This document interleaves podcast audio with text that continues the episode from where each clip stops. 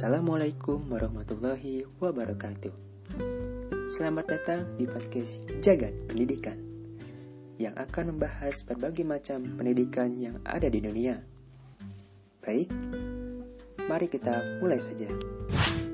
Pernah tidak sih kalian memperhatikan matahari dimulai dari terbit dari arah timur, kemudian terbenam di arah barat?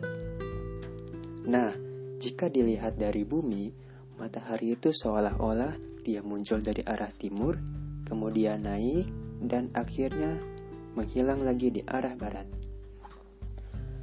Seolah-olah matahari melakukan pergerakan seperti itu setiap harinya. Faktanya, tidak seperti itu ya teman-teman. Yang sebenarnya terjadi adalah bumi melakukan perputaran pada porosnya, sehingga bumi yang terkena sinar matahari akan menjadi siang dan belahan bumi yang tidak terkena sinar matahari akan menjadi malam. Begitu teman-teman. Nah, selain melakukan perputaran pada porosnya, bumi juga melakukan rotasi terhadap matahari yang memerlukan waktu 365 hari lamanya.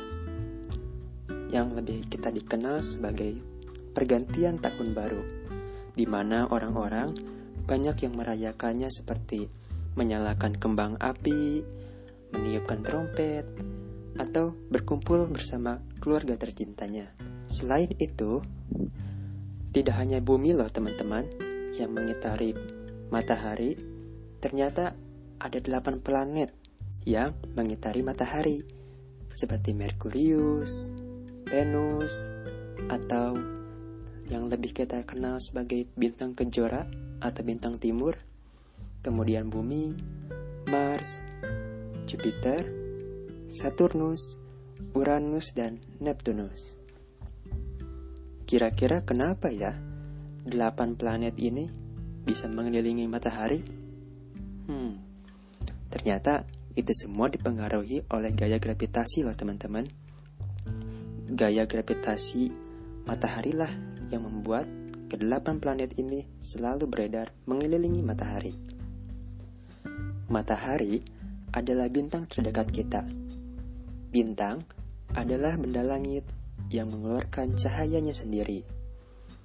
Pernah gak sih kalian, kalau malam hari, kalian melihat keluar, terdapat banyak-banyak bintang yang ada di langit sana.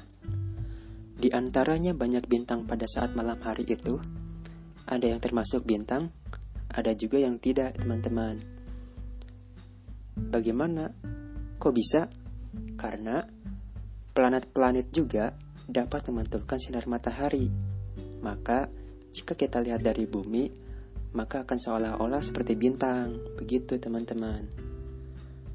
Karena letaknya yang sangat jauh dari bumi, maka sulit untuk dibedakan yang mana bintang, yang mana planet dan hanya bisa dibedakan melalui suatu alat yang namanya adalah teleskop ya teman-teman.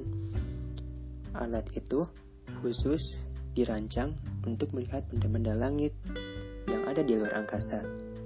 Bagaimana teman-teman? Menarik bukan? Dari beribu-ribu bintang yang ada di luar angkasa itu, ternyata bukan matahari saja loh yang bisa mengeluarkan cahayanya sendiri. Masih banyak matahari-matahari lain yang ada di galaksi Bima Sakti ini.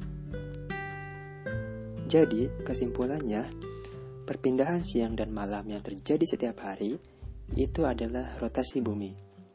Sedangkan pergantian tahun yang mana memerlukan waktu 365 hari itu kita namakan revolusi bumi.